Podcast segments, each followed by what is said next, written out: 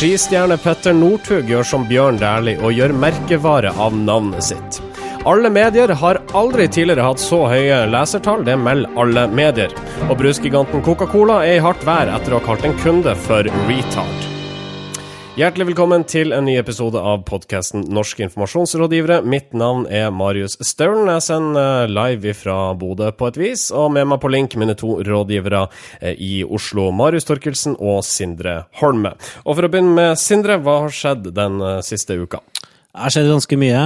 Ehm, det har jo vært litt sånn drama i idrettsverden altså. med mannen til eh, Ingrid Kristiansen som mener at Grete Waitz drev og hennes eh, mafia, kan man si. Drev løpsfiksing på 80-tallet. Mhm. Det er litt sånn eh, Og så så jeg også det var en sak om at eh, Kåre Valebrokk drakk veldig mye. Mhm. Og da tenker jeg sånn, fy søren, eh, det er ikke lurt å dø. For da snakker folk bak din rygg etterpå. Ja, For det var veldig til angrep på eh, døde mennesker her. Jo, men, Veldig. men, men den saken var jo sånn Valebrokk drakk like mye som han trodde. Det var jo saken. Ja, ja. Eh, og, så, og så er det en liten sak til. Jeg syns det har skjedd så mye denne uka, så jeg må nevne det også. Ja. For en liten sak fra min hjemby Fredrikstad eh, om en eh, bingoraner. Eh, som da hadde gått inn på bingoen rett før eh, stengetid. Eh, og så hadde han tatt med seg en brun skinnveske. Eh, men eh, det viste seg å ikke være omsetningen fra bingoen, men bingopremier. Og hva var bingopremien? Nei, altså, det vet vi jo ikke. Men jeg tipper det er et gavekort eh, på 350 kroner på do Domus. Tre-fire flakslodd, Ja. og så videre. Så han Jeg tenker, her har vi en raner som som er litt sånn betutta, tenker jeg, når han kommer hjem med fangsten. Domus har dere altså fortsatt i Fredrikstad? Vi kaller det fortsatt for Domus. Det er Torvbyen. Eh, men det er liksom det samme bygget Ja. eh, som Domus var, da. Blir ikke det samme som Domus? eh, man savner Domus fortsatt. Ja, det gjør man. Ja. I hvert fall de som går på bingo, de kaller det garantert for Domus. Marius Torkelsen, hva skjedde i ditt liv den siste uka? Nei, nå har jeg synet tatt alt det viktige, selvsagt. Men, Mm. men eh, jeg har en sånn liten sånn kuriosa-ting som jeg så, som kommer sikkert til å påvirke oss alle fremover. Ja. Eh, jeg ser at eh, Miljøpartiet De Grønne de er ute og søker etter kommunikasjonsrådgiver. For nå har de jo fått en person på Stortinget. Det betyr at de får mer midler ja. som parti. Og da har de, det første de gjør, er å ansette en kommunikasjonsrådgiver. Hva sier det om viktigheten til disse kommunikasjonsrådgiverne i norsk politikk? Nei, det sier jo at det er helt åpenbart at Miljøpartiet De Grønne mener i hvert fall at de kommer til å trenge det. Eh, sannsynligvis fordi de kommer til å få flere henvendelser og måtte håndtere flere medier enn før. Eh, og da trenger man jo noen som måtte ha både har kontaktnettverket og som kan måtte hjelpe og avlaste stortingspolitikerne, så de slipper å kun Eller stortingspolitikeren. Eh, så han eh, slipper å kun eh, svare på mediehenvendelser hele tiden. Vi snakka jo om det her sist med Rasmus Hansson, tidligere WWF-generalsekretæren, som eh, nå skal sitte på Stortinget. Og han eh, var jo veldig opptatt av at han kunne mye om isbjørn. Eh, Men det er klart, du trenger jo en kommunikasjonsrådgiver da for å kunne eh, snakke om de andre saksfeltene som også en stortingspolitiker må sette seg inn i, som finans, eh, samferdsel osv. Så, videre. så det er klart, du kan ikke bare snakke om isbjørn. Eh, Det blir litt flaut å snakke om isbjørn mens resten diskuterer f.eks. skakkjørt økonomi. Ja, ikke sant. Så, det var- forresten interessant, for det var to ting de søkte. Det var da kommunikasjonsrådgiver og finanspolitisk talsmann. Eh, men sånn type helsepolitisk talsmann og utdanning og, og alt mulig annet, det samferdsel, det trengte de ikke. Det var sånn finans og kommunikasjon. Altså det er liksom grenser på hvor, hvor ofte du kan dra opp isbjørn som metafor på tilstanden i norsk eh, helsevesen, finans osv. Prøv å gjøre det. Ja. Eh, nei, altså Jeg vil si eh, mangelen på norske lærere Norske lærere er like, omtrent like sjeldne som eh, isbjørnen. Det norske helsevesenet seiler eh, På et isflak. på et isflak gjennom eh, Amazonas. Men problemet med det isflaket Det, det er at det smelter. Det smelter, særlig i Amazonas. Ja. OK, eh, det er hyggelig å ha dere på tråden, for dette er jo en, en tråd eh, som vi har kobla fra le- studio her jeg sitter, i Bodø altså, eh, til eh, hvilket studio i dag, forresten? Ja, vi er, vi er hold, holder oss i Studio Tove nå, faktisk. Ja. Så um, det er bare Vi får en hyssing på døra her, så det er vel eh, den, da. Trevlig. Ja. Jeg tror vi skal komme oss i gang med dagens sending, og derfor sier jeg hjertelig velkommen til NIR episode 42. Norske informasjonsrådgivere. Eh, Vi skal snakke om eh, en av landets største idrettsstjerner aller først, nemlig Petter Northug. Han er skiløperen som allerede har tjent en formue som et sponsorobjekt, og har bl.a. logoen til Red Bull på jakka si. Nå tar han steget inn i merkevarens verden. Han gjør som Bjørn Dæhlie og går til anskaffelse av egen logo. Ifølge Dagbladet har Northug søkt om i alt elleve patenter, deriblant patent på sitt eget navn, autograf, nevnte logo og kallenavn som The Thug. Her snakker vi om en eh, eh, ganske gjennomtenkt eh, eh, strategi, eh, og om ikke minst en skiløper som er strutter av selvtillit, som man sier i, i sportskretser. Det er jo ganske nytt at at en, eh, ut, en eh, idrettsutøver eh, lager en logo Det er ikke så Bjørn uttrykke- Dæhlie gjorde Nei, det. det, det, ja, det jeg mener er at det er nytt å gjøre det før man har noen produkter på markedet. Eh, det, det er jo ikke uvanlig at en utøver Det er ganske mange skiutøvere nå som har lagd, sine egne klesmerker osv. Mm. Men her ser vi jo en, et eksempel på noen som lager en logo først, uh, uten å ha noe produkt å selge, annet enn sin egen uh, aura, kan man si. Ja, og det er jo eh, det er liksom forskjellige ting som Petter Northug skal ut og selge. Vet han, har, han har en sånn linje med sportstøy som han uh, måtte ha lagd, og som uh, har blitt solgt i begrensa opplag, som, som nå skal, uh, skal måtte ut og distribueres. Eh, men jeg tror ikke den logoen først og fremst henger sammen med det, for det, tror jeg, det er noe som har pågått en stund. Denne, denne logoen er helt ny. Eh, så jeg tror egentlig at han prøver bare å gjøre seg selv til noe mer enn et menneske. Han skal bli en merkevare. Ja, riktig. En mektig merkevare. Apropos logoen, hva syns dere om det? Jeg syns den er stilig. Den, eh, det er som Anti og Grand People. Det er to veldig flinke byråer. Eh, Designbyråer som har slått seg sammen. Mm. Eh, Bergensbyrå, Grand People og Anti, som blant annet har lagd den herre djeveljeansene. eh, Anti-Sweden-kleskolleksjonen. Det er de som har lagd det, og det er jo, skal da forestille et sånt avtrykk i snøen fra en skistav, som er forma som en N. Jeg syns den er ganske stilig, og ja, jeg Uten å være fagperson på det, så vil jeg si at det, det er fint. Det ser fint ut. De, de sier det at eh, han eh, Kjetil Wold, eh, som jobber i Anti, han sier det at uh, opprinnelig så skulle det stå under uh, 'Northug was here ten minutes ago'. Som et slags bilde på hvor rask Northug er, da. Ja, ja. Eh, men, men jeg syns den er fin, og jeg synes også ser litt ut som en sånn Supermann, som den Supermann-emblemet, Ja. holdt jeg på å si. Eh, for det har litt sånn superheltsvung over seg. Eh, men i tillegg så uh, er denne logoen uh, dessverre farlig nær uh, logoen til CSN Media AS.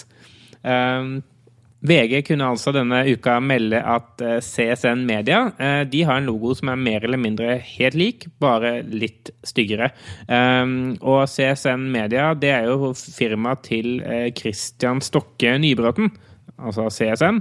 Eh, og de har en logo som er mer eller mindre helt lik. Eh, og når han da blir måtte, konfrontert med dette her av VG, så sier han jo at han er bekymra for at Peder Northug skal måtte få eh, patentbeskyttelse for sin nye, logo. For da må, blir han nødt til å endre, og han heter jo CSN, så han vet liksom ikke helt hva han skal gjøre. da. Nei. Eh, jeg fikk nesten litt sånn vondt av han. Men jeg tenker nok at både Christian og, Petter finner, finner ut av det der. Eh, selv om han har tross alt hatt logoen sin siden 2007. Jeg fikk eh, også litt vondt, men det var fordi at den logoen var mye styggere. Eh, Ja, det var- ligna litt, men eh, altså, sorry CSN. CSN. Eh, dere, det kan godt hende logoen ligner, men den er flere hakk styggere. Men han var først, skal sies. Først, men styggest. Og så er, altså er det litt kjipt hvis du driver med skilt, dekor, storformat, print og messeutstyr. At en skiløper har finere logo enn det. Altså, jeg tenker Du skulle i hvert fall kunne måtte ha evnen til å lage en fin logo. Ja, det er nettopp det. Ok, Uh, Sindre, du er vår merkevareekspert og markedsføringsalibi. Er det på sin plass at Petter Northug eh, går til anskaffelse av sin egen logo før han har lansert f.eks. et klesmerke? Jeg, ble- litt overraska, men eh, det viser jo at han er eh, ganske bevisst sin egen verdi. Og så tenker jeg at han, eh, han kommer i en, en Ofte så er det vel sånn at en klesprodusent eller en eller annen smart markedsfyr kommer bort til en utøver og sier deg, deg kan vi tjene penger på. Eh, La meg se hvordan du kan bli en merkevare. Men her så virker det som Northug har full kontroll selv. Eh, og det syns jeg er drita tøft, egentlig. Jeg syns det er veldig kult. For jeg, jeg er helt sikker på at en uh, Northug eh, vil En Northug-merkevare vil ha mye for seg. Jeg, jeg, jeg tenker jo det at altså det, det som er viktig når, når virksomheter skal gå inn og sponse en person, det er jo det at det er kan, på en eller annen måte mest mulig konkret hvilke verdier denne personen står for. Uh, så jeg ser for meg at i i dette arbeidet med denne logoen så ligger det også sikkert en visjon for Petter Northug, og noen, eh, noen kjerneverdier som han skal oppfylle, som de kan da gå til eh, potensielle nye sponsorer og si at eh, dette står Petter for, dette er visjonen til Petter. Eh, ønsker ikke dere å være med på å støtte opp om dette? Ja, for, for det, vi tenkte jo, vi var jo inne på det når Coop skulle sponse Petter Northug, at her kunne vi uh, komme til å se et Northug-brød i uh, brødhylla osv. Uh, Northug, eh, paprika og potetgull. Nordtuggen. Et nytt Nord- brød fra tygg- tygg. Northug. Ta Nord- et stor Nordtyggen, tugge njam, njam. Nordtugg. Njam, njam. Ja. Stortugg. ja. Eh, og så, så blir det litt sånn omvendt, for her er Northug eh, lagd sin egen merkevare, og da er det på en måte hans egne produkter som da det blir Northug opp, sponser Coop. det blir snudd opp ned på en måte. Ja. Ja.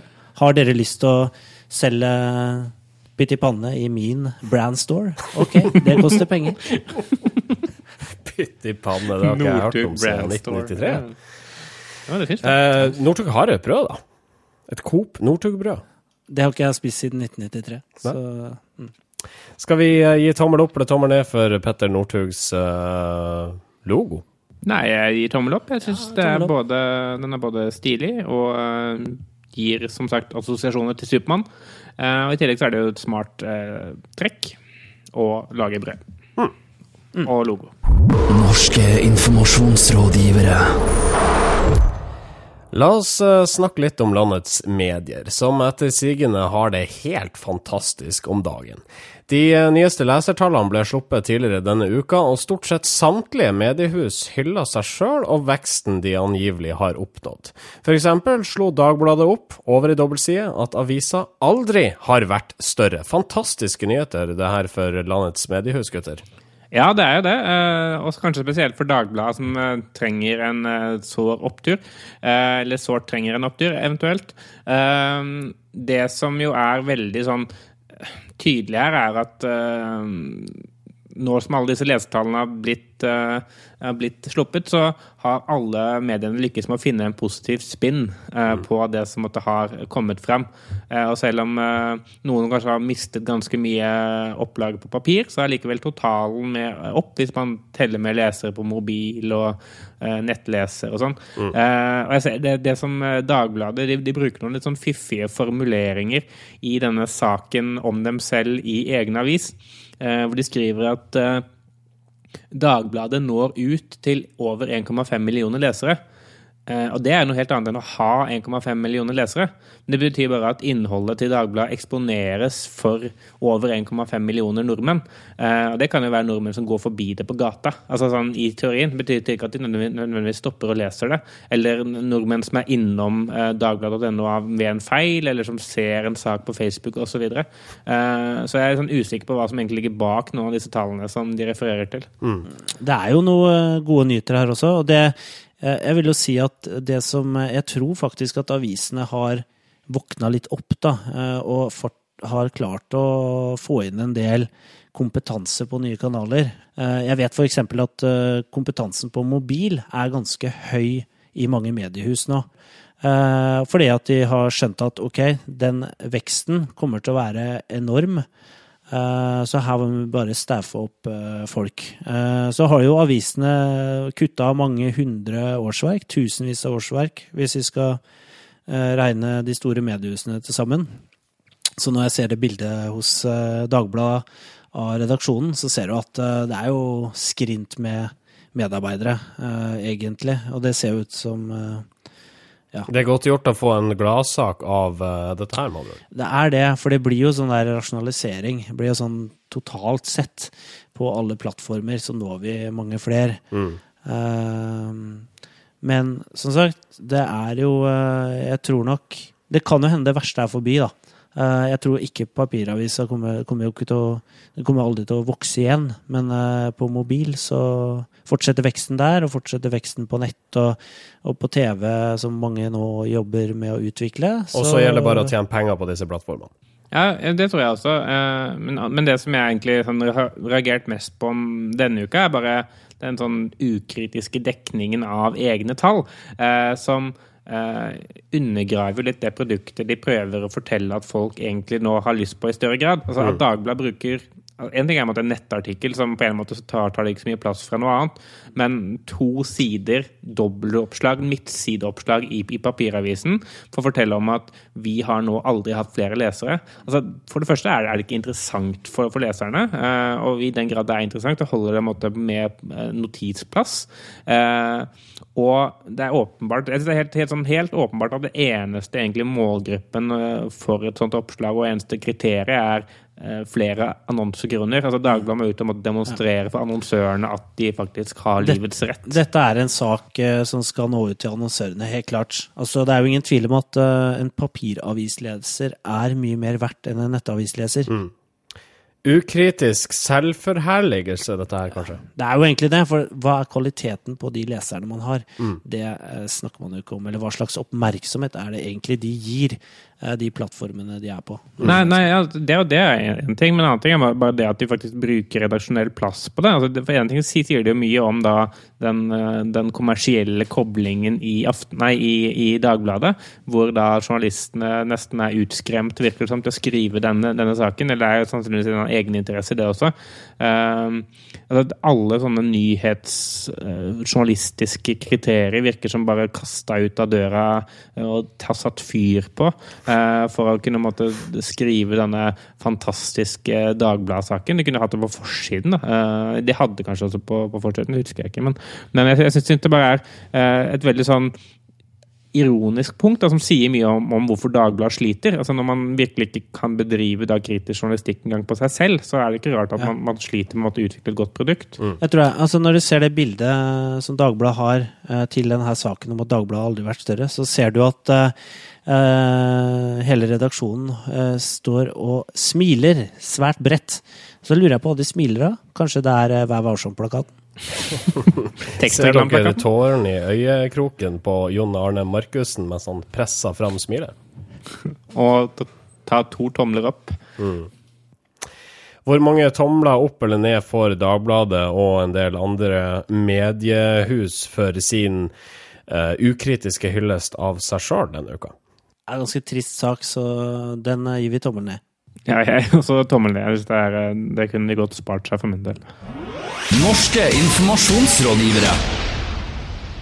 Universitetet i Oslo har inngått en rammeavtale med Gambit til en Norton verdt 1 million kroner årlig.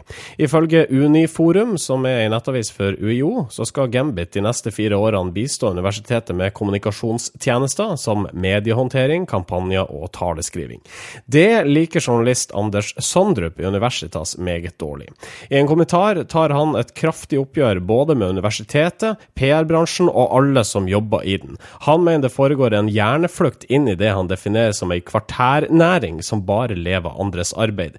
PR-bransjen legger seg som ei hinne utapå de andre næringene, og eksisterer ene alene for å pakke inn budskapet, skriver han annet. Sindre gjesper uh, mens du leser opp dette. her. Altså. Og det skjønner jeg, fordi eh, det er nesten så Jeg vurderte når jeg kom over den, denne saken bare, Nei, vi bare dropper det. Vi bare gidder ikke å snakke om det. Hvorfor det? Nei, fordi dette er nå en sånn klagesang fra norske journalister. Og nå er jo han godeste Sondrup journalist i en studentavis. Eh, Men, men man vet jo at eh, Universitas er jo en av de bedre studentavisene, og, og det rekrutteres heftig derfra til norske redaksjoner. Mm. Så man skal ikke avfeie det av den grunn. Eh, Og jeg syns jo det er litt trist, egentlig, når jeg, leser det, fordi han, han eh, får jo PR-rådgivere til å virke som de mest onde menneskene i hele verden. Eh, og det er en del ting som han bare tar helt for gitt. Sånn som at eh, det først og fremst han handler om å skjule informasjon. Det han handler om å sørge for at mediene ikke får tilgang til å snakke med de personene de vil snakke med. Eh, og det handler om å skrive pressemeldinger som nyhetsankere skal lese opp på direkten.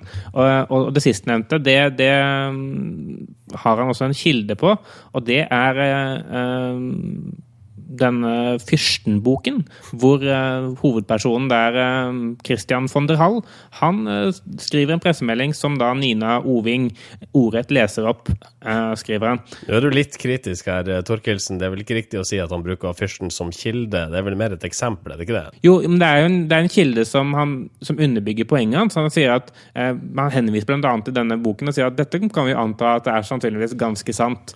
Eh, Ja, hvorfor er det sant? Hvorfor mener han at det er sant? Nei, Det er annet fordi da Beate Nossum, eh, tidligere, eller fortsatt First House-rådgiver, mener at eh, denne boka var en god dokumentarisk bok. Ja. Det er jo eh, Marina Tofting, som er eh, kommunikasjonsdirektør ved Universitetet i Oslo, som har inngått denne rammeavtalen på 1 million kroner med Gambit Hill and Knowlton. Eh, En av de tinga som eh, Gambit da skal levere, er jo taleskriving til rektor. Og det er krisekommunikasjon. Og han eh, Anders Sondrup i Universitas eh, tror jo at krisekommunikasjon da handler om å, å si ingen kommentar når eh, Universitetet i Oslo blir konfrontert med at Anders eh, Behring Breivik vil studere der. Det han ikke Altså, det Journalister er jo veldig opptatt av journalistikk, og de tror at alt PR-byråer driver med, egentlig handler om å manipulere media, og at media står i sentrum for alt de gjør. Um, og, men en, med krisekommunikasjon for Universitetet i Oslo sin del handler om noe mye mer. Eh, Det handler om å koordinere en stor, stor organisasjon, stor arbeidsplass, i tilfelle det skjer en krise. Det kan være en fysisk krise, det kan være en brann, det kan være et terrorangrep, eller eh, det kan være andre ting som skjer, og som gjør at informasjonsbehovet fra ledelsen blir ekstremt mye høyere enn det er til daglig. Og det, det må man øve på for å lykkes med å håndtere. Og man må gjerne øve eh, i hvert fall én gang i året, kanskje to ganger i året. Og da er det gjerne en øvelse som PR-byrået koordinerer, men som involverer eh, ganske mange skuespillere, og det er et ganske stort apparat. Den type ting er ekstremt viktig for en institusjon som Universitetet i Oslo å bruke penger på. Mm. for hvis de ikke lykkes med å håndtere en sånn krise, eh, så kan det få ganske langvarige konsekvenser. Vi har angrepet slik kritikk av eh, vår egen bransje ved et par anledninger tidligere. Jeg vil ikke si at vi er de som syter mest, men uh, la oss si at dette her er tredje gangen vi, vi uh, konfronterer disse konspirasjonstankene eh, om PR-bransjen. Klarer vi noensinne å gjøre noe mer enn det? Når skal PR-bransjen lykkes eh, med å overbevise eh, omverdenen om at eh, lobbyvirksomhet er en svært liten del av et ganske så kompleks, komplek komplekst yrke? Jeg vil jo egentlig mm, nå utfordre KOM. Eh, tidligere Jeg husker ikke hva, hva det het før, men eh, utfordre KOM eh, på En på- bransjeorganisasjon, er det det? Ja, ja, stemmer. Eh, For eh, altså, norske sertifiserte kommunikasjonsbyråer. Eh, Disse vil jeg utfordre til å gjennomføre et initiativ eh, som er basert på en idé jeg har. Og den ideen, Tittelen på den er 'Ta med en journalist på jobbdag'. Eh, hvor da PR-byråene rett og slett da skal få lov til å skal finne noen eh, råd, rådgivere i hvert byrå som får lov til å ta med seg en journalist hver på jobb. Og skal den journalisten bare følge dem på jobb den dagen. Ikke for å skrive en sak om dem, bare for å sånn, se hvordan en vanlig dag i et PR-byrå er. Eh, og så kan man måtte høste litt sånn ringvirkningene fra det, tenker jeg at da kan journalisten komme tilbake og fortelle om at det var verken uh, lobby for eh, abortmotstandere eller våpen eller medisin. Eh, De jobba faktisk med hvordan få presseomtale på en ny type makaroni. Ja, Så kjedelig var PR-rådgiverens hverdag at uh, journalisten fant det knapt verdt å skrive en sak om at han hadde vært der. Det ble, det ble litt sånn der operasjon dagsverk for journalister. da. Ikke sant? Så kunne jo PR-byråene betale de, og så går det til et veldedig formål. Det er jo en kjempeidé! Men da kan vi, da, altså, hvis vi skal definere noen regler her, så kan det ikke være slik da at journalisten på et eller annet tidspunkt blir uh, putta inn i et annet rom mens uh, fadderen hans er og prater viktige uh, temaer, hemmelige temaer med sin Nei, skal sjef. Altså, da må de få være med hele tida. Helt klart. Hele Der er alle telefonsamtaler er på høyttaler. Ja. Og ja, videokonferanser er uh, åpent. Mm. Og øh, alle rest hemmelige restaurantbesøk er åpne. Eh, altså, da sitter man heller på uteservering hvis øh, man skal vise at øh, her gjemmer vi oss ikke. Alle kontorromanser må avdekkes. eh, alt må Ja. vises frem. Tommel opp eller tommel ned for um, godeste Anders Sondrup. Jeg hadde jo glemt at det var han vi prata om. Tommel opp eller tommel ned for journalist Anders Sondrups kritikk av PR-bransjen. Tommel ned. Tommel opp, fordi noen ganger så kan kritikk eh, inspirere til gode ideer. Så vi vil bare takke han, da, tenker jeg. Dette er jo litt spesiell eh, sending for oss, mine kjære rådgivere i Oslo. For det er altså slik at podkasten Norske informasjonsrådgivere, forkorta til NIR, hashtaggen NIRCast, er ett år denne uka. Yay! 28. september i fjor gikk vi på lufta, og dere har bedt om ei evaluering av det siste året. Ja, og det har vi bedt oss øh, selv gjøre. Ja, en interngranskning. Intern granskning. Satt ned et ut, vi har satt ned et utvalg eh, til å gjøre det, eh, bestående av Marius Staulen, Torkelsen og Sindre Holme. Ja. Og la oss eh, begynne med eh, det som har fungert. Eh, er det en riktig måte å, å gjøre det på? Ja, eh, lyden har eh, fungert. Lydbølgene har gjort jobben. Jeg, jeg syns jo eh, at vi har fått mye mindre kjeft enn det vi har fortjent. Eh, Fordi vi, altså, vi er jo eh, folk som snakker veldig mye om ting som vi ikke kan så mye om ofte. Og vi tar nok både snarveier og, og snakker unyansert om ting. Mm. Som hva da? Nei, som, som eksempel stortingsvalg, eller, eller ting vi synes er dumt og rart og ikke forstår, som kanskje det er en veldig god grunn bak, men som vi bare ikke har giddet å gjort nok research til å finne.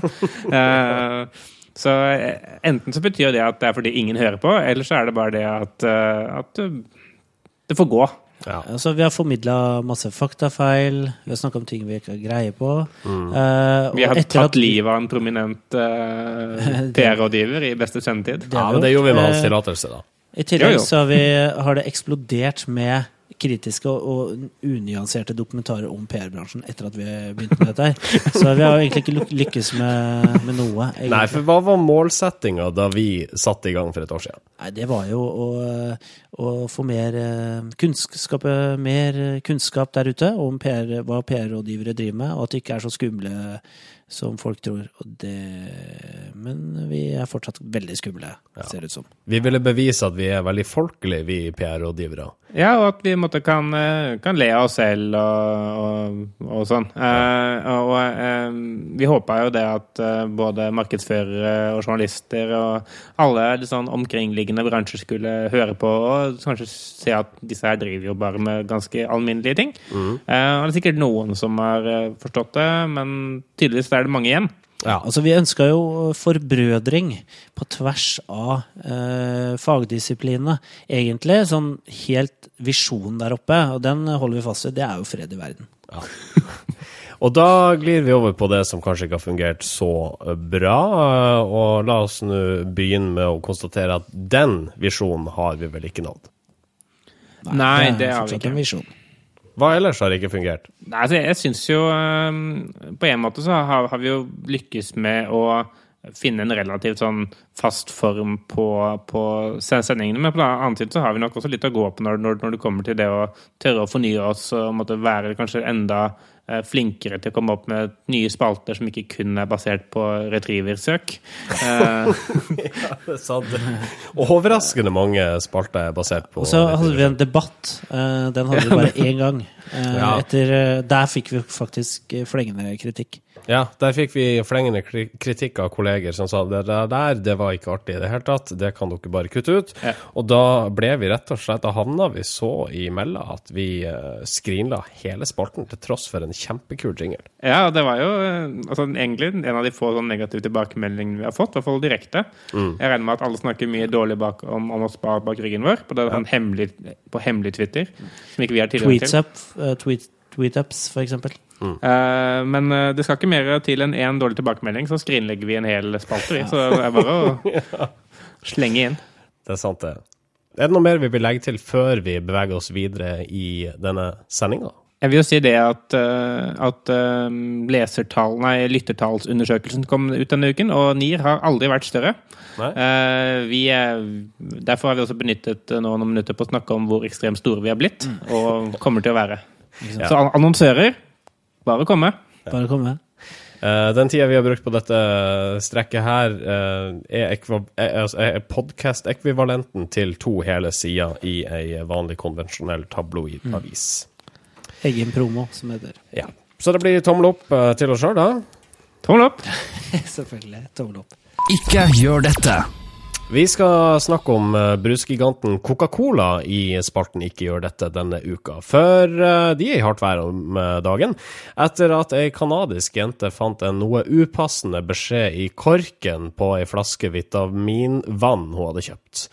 Uh, Colaflaskene har jo som kjent små hilsener på innsiden av korken, sånn type high five og good luck, utropstegn. Men det spørs hvor hyggelig jenta syntes eh, beskjeden hun fikk var. I hennes kork sto det nemlig kort og greit you retard. um det skal man jo selvfølgelig ikke le av. Eh, men, men, det gjør, men det gjør man jo litt likevel. Eh, Blake Loat, eller Loates, alt ettersom, eh, hvor i Canada hun er fra. Eh, hun åpnet av denne korken, eh, skulle leske seg med litt uh, vitamin eh, water. Vitamin water? Alt ettersom. Uh, og fikk da beskjed om at hun var uh, mentalt tilbakestående Ja. eh, av denne flasken. Eh, og det er for så vidt én ting, men så viste det også at da hennes yngre søster, 11 år gamle Fiona, hun eh, har faktisk både cerebral parese og, og er eh, autistisk. Eh, så jeg vet ikke om det kvalifiserer til mentalt tilbakestående, men i hvert fall dette retard-ordet, det var litt sånn følsomt i denne familien. Og det lot da også ha deres far Doug, Cola, få lov å vite, i et ganske sånn sterkt eh, skrevet eh, brev. Eh, da sterkt med tanke på at han brukte mye sterke ord. Eh, Bannskap, med andre ord. ja, bannskap. eh, sånn- Bannskap, som man vil si i nord. Ja. Eh, Så sier han til Cola at dette er uaktuelt. Eh, Jeg vil ikke finne meg i å bli kalt retardert av vitaminvannet mitt. Altså, vitaminvannet heter Zero, så jeg tenker eh, i utgangspunktet så bør du bli fornærma bare å kjøpe det. Du er et null. Eh, men jeg syns jo det er et steg opp eller bort, eller i hvert fall et steg et eller annet sted, sammenligna med hvordan de der colakorkene har vært. Vi gorkes og Gork Altså, utrolig dårlige eh, tekster som står Det er nesten sånn kransekakevitser. Like meningsløse. Ja, så det her blir du i hvert fall tvunget til å ta et eller annet standpunkt. Altså Når du får beskjeden 'you retard' i korken din, så må du respondere på et eller annet vis. Det vekker i hvert fall en eller annen følelse. Ja. Eh, eller en eller annen respons, da. eh, ikke sant? Altså Nervetrådene i hjernen eh, responderer. Ja. Eh, dette her er jo ikke gjør dette spalta, og det er kanskje ikke tabben i seg sjøl vi sier ikke gjør dette til. Det er, altså det, det burde det har skjedd en glipp her, og at Hugh retard havna i korka eh, uten at det var intensjonen til Coca-Cola. La oss nå i alle fall håpe det. Men det er mer eh, håndteringa av saken vi anmoda Coca-Cola om ikke å gjøre igjen. Ja, for det er jo det åpenbart at her har det skjedd en glipp, eh, og det er ikke sånn som det skal være. og Det forstår jo alle, selv, selv den, denne familien som ble veldig sinte og skuffet over Cola. Selv Fiona skjønte det. Selv Fiona skjønte nok det. Eh, Så når da Cola får vite om dette, her, så er det én ting de skal gjøre, det er å si sorry. Og her er et lass gratis mineralvann. De trenger ikke å gjøre noe mer enn det. Eh, Det vet nok også Cola, men, men eh, så er det likevel en sånn der iboende trang til å forklare seg. For sånn, ja, vi beklager veldig. Men grunnen til at det skjedde, var nemlig det at vi hadde en generator som blanda fransk og engelsk. Og retard på fransk betyr sen. Retard. Eh, så egentlig så sto det jo bare 'du sen'. Teknisk sett så hadde vi ikke feil. Ja, det er dobbeltkommunikasjon. Det er for forsøk på Det er en eh, Ikke sant? Man sier den, det som man er programforplikta til å si. Man sier beklager, men klarer ikke å dy seg med å på en måte unnskylde seg i tillegg. Og si at ja, det var ikke så ille, da. Det er jo egentlig bare Det var bare fransk sin skyld. Ja. Franske Sproget språk som er feil. Ja.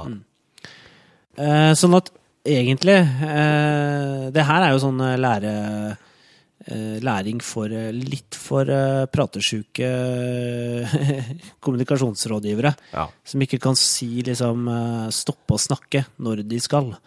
Eh, så det er bare, her er det bare å beklage. Her eh, trenger ikke å gå mer i dybden enn å si at dette er en kjempeglipp. En beklagelse hadde holdt. Jeg, vil bare avslutningsvis sitere Elton John. Eh, 'Sorry seems to be the hardest word'. Det er mye sannhet i det. Så eh, ikke gjør det, da. Ikke gjør det. Ikke gjør det. Snor, snor, snor, klippe, snor, snor, snor, klippe, snor, snor, snor, klippe, klippe, klippe, klippe, klippe, snor, snor, snor, klippe, Snorklipp nytt. klippe. Snorklipp nytt, det er de spalte, Sindre Holme. Så la oss aller først få en forklaring på eh, denne, ettersom vi ikke kjører spalten så utrolig ofte. Ja, Det er jo så lenge siden sist vi hadde Snorklippnytt at jeg nesten har glemt hvorfor vi har den. Eh, og grunnen til at vi har den, er at vi har den jo ganske sjeldent. Så da kan vi fortsette å ha den uten ha noe, at den gir noe stor mening, egentlig. Eh, men snorklipping er jo en sånn kjent øvelse, eh, særlig blant norske politikere, for å vise at man er handlekraftig, og at man har fått til noe her på berget. Ja. Det bygges ei bru, snorer skal klippes. det legges ned en fabrikk, snorer skal ikke klippes. Nei. Så det er egentlig bare i gladsaker hvor man uh, klipper snor. Uh, og egentlig vet ikke folk hvor, uh, hvorfor man gjør det, men man gjør det. Man skal liksom gjøre det. Ja. Ehm, og nå er det da Vi snakker nå slutten av september. Eh, Det har vært valg, eh, og vi har gått inn da i snorklippgeneratoren til eh, Retriever og funnet seks saker hittil i september hvor det har foregått snorklipping. Ja. På høyt er- nivå. På høyt og lavt nivå, vil jeg si. Eh, vi har Helge Lund, som har åpna fire lagerhaller på Ågotnes utenfor Bergen. Så Statoil-sjef Helge Lund. Selveste Statoil-sjef eh, Helge Lund. Før vi går videre her, altså, bare for å få en avklaring. Altså, det er slik at du skal eh, Altså, du har, eh, du har plukket, plukket fram tre snorklippere for måneden eller perioden, og vi skal da til slutt kåre en slags periodens snorklipper, er det slik? Det er helt riktig. Helge Lund var nummer tre, og vi har en nummer to. Nummer to denne måneden er eh, Folke Fredriksen, som eh, eh, endelig klippa snoren for Rommens kulturpark i Groruddalen. Ja. Og åpnet dermed verdens første kronprins Haakon-totempæl. uh,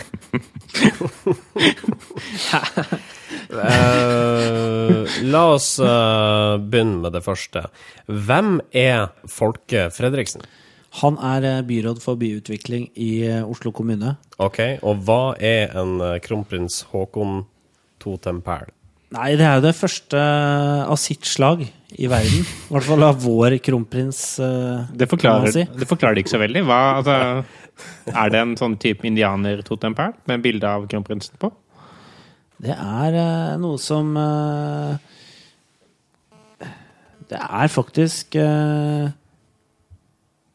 eh, Sindre ser veldig forvirra ut nå, for dere som ikke kan, kan se det. Men, uh. Vet ikke hva han har klippa snor for. Herregud, altså. hva, hva er det du ser? Nei, altså det Kronprins eh, Haakon eh, Hvor kan jeg begynne? Jo. Hva er en kronprins Haakon totempæl? Var det jeg spurte om? Ja. Ja, ja. Eh, En eh, kronprins Haakon totempæl, de eh, vokser jo ikke på trær. Eh, de, men de står eh, eh, De er jo bygd på, eh, på gresset, eller på fast grunn, kan man si. Og eh, det er barn da som har lagd den her totempælen. Ja, men liksom- hva er det? det er en eh, slags installasjon lagd av eh, gips og papir og litt av hvert. Og det er barn som har brukt limstifter og eh, gips for å få dette her eh, opp, da. men, Men hvordan ser den ut? Nei, du må prøve å tegne et bilde. til- Det her er radio, Ja. eller podkast. Men Nordre Aker eh, Budstikke har ikke klart å ta et ordentlig bilde av det som står eh, referert til i overskriften. Kanskje også fordi at den totemperen er faktisk ikke er helt ferdig. Så her har egentlig Bård Folke Fredriksen har rett og slett åpna noe som har sklipt snor på noe som ikke er ferdig, og det er faktisk ikke lov. Eh, men, men det er jo derfor vi også setter den som nummer to, for det er Ja. såpass spektakulær eller liksom uvanlig snorklipping. Ja. Eh, så derfor har vi den som nummer to. Ok, og da skal vi altså komme til det som er månedens eller periodens uh, snorklipper. Ja. Eh, denne månedens desiderte snorklipper, det er fem år gamle Ridvan. Han eh, er fra Oslo. Ridman Farhan heter han, han fem år. Han reiste fra Oslo eh, til Bodø for å klippe snora for det nye bygget til Private Barnehagers Landsforbund. Jaså. Eh, Så han ble rett og slett flydd opp eh, til Bodø. Fikk, fikk klippe snor, kjøre brannbil og dra på rundtur i Bodø. Drømmedag i, i Bodø, så det. Både, både da se på den nedlagte hovedflystasjonen og, og kjøre brannbil. Um, så, så Radvan har virkelig fått det beste av, av Bodø. Her er det jo flere nyhetskriterier som uh, tikker inn. Uh, det er eh, storfint, eller eh, fint besøk, kan man si, fra besøk, Oslo. Oslo. Hovedstadsfolk Det kommer til er byen. eh, en uh, representant for en minoritet som eh, er her. Og det er eh, en snorklipping. Så eh, her har de virkelig fått De har maksa. PR-effekten av, av dette nybygget. vil jeg si. Ja. Det er jo en liten, litt sånn trist sak også denne måneden her. Eh, For det var en snorklipping som aldri ble noe av denne måneden. Eh, Og den eh, foregikk Altså, den foregikk ikke, kan man si, på Værnes. Eh, Fordi der eh, satt da Frøydis Aune Dybdal klar med eh, nye spissa saks. Eh, slipt, mener jeg. Saks. Uh, og bånd klar til å åpne Starbucks nye kafé på Værnes. Uh, men åpningen ble da spolert pga. en bombetrussel, dessverre. Ja. Ingen snorklipping. Har, har Starbucks uh, åpna, da? Altså, det kan jeg ikke forstå er mulig. Eh, men Det var, var det eneste tidspunktet de kunne ha snorklipp på, så nå er det bare Plutselig så var den der. Så det kan jo altså Det sier jo ikke saken noe, men antageligvis så ble Jeg vet ikke. Folk, de ansatte ble permittert. Eh, Vi fikk ikke klipt snor. Beklager. Da falt liksom alt eh, sammen for oss her på Værnes. Eh, grattis til dere alle. Eh, NIR sender da en eh, pokalsaks i posten eh, dit. Ja, det gjør vi. Det gjør vi. Altså, vi, vi sender jo ikke til Bodø, for han er tilbake i Oslo nå, forhåpentligvis. Så vi kan bare levere den in person, tenker jeg. Det kan vi gjøre. Ukas kudos.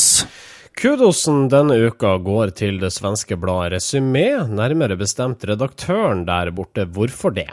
Redaktøren i Resumé, Resymé han har eh, sett seg litt lei på alle de her polerte og flotte bildene som folk legger ut eh, om sitt liv i eh, sosiale medier. Så han har uh, starta noe som heter No Filter Week, eh, som er en uke med total ærlighet i sosiale medier. Mm. så nå eh, Det er en slags motpol da, til alle de her eh, perfekte virkelighetsbeskrivelsene som eh, vi godt kjenner fra Facebook, eh, for eksempel. Eh, All den eh, flotte eh, flasken med eh, vin som står eh, nyåpnet på stuebordet eh, fredagskveld.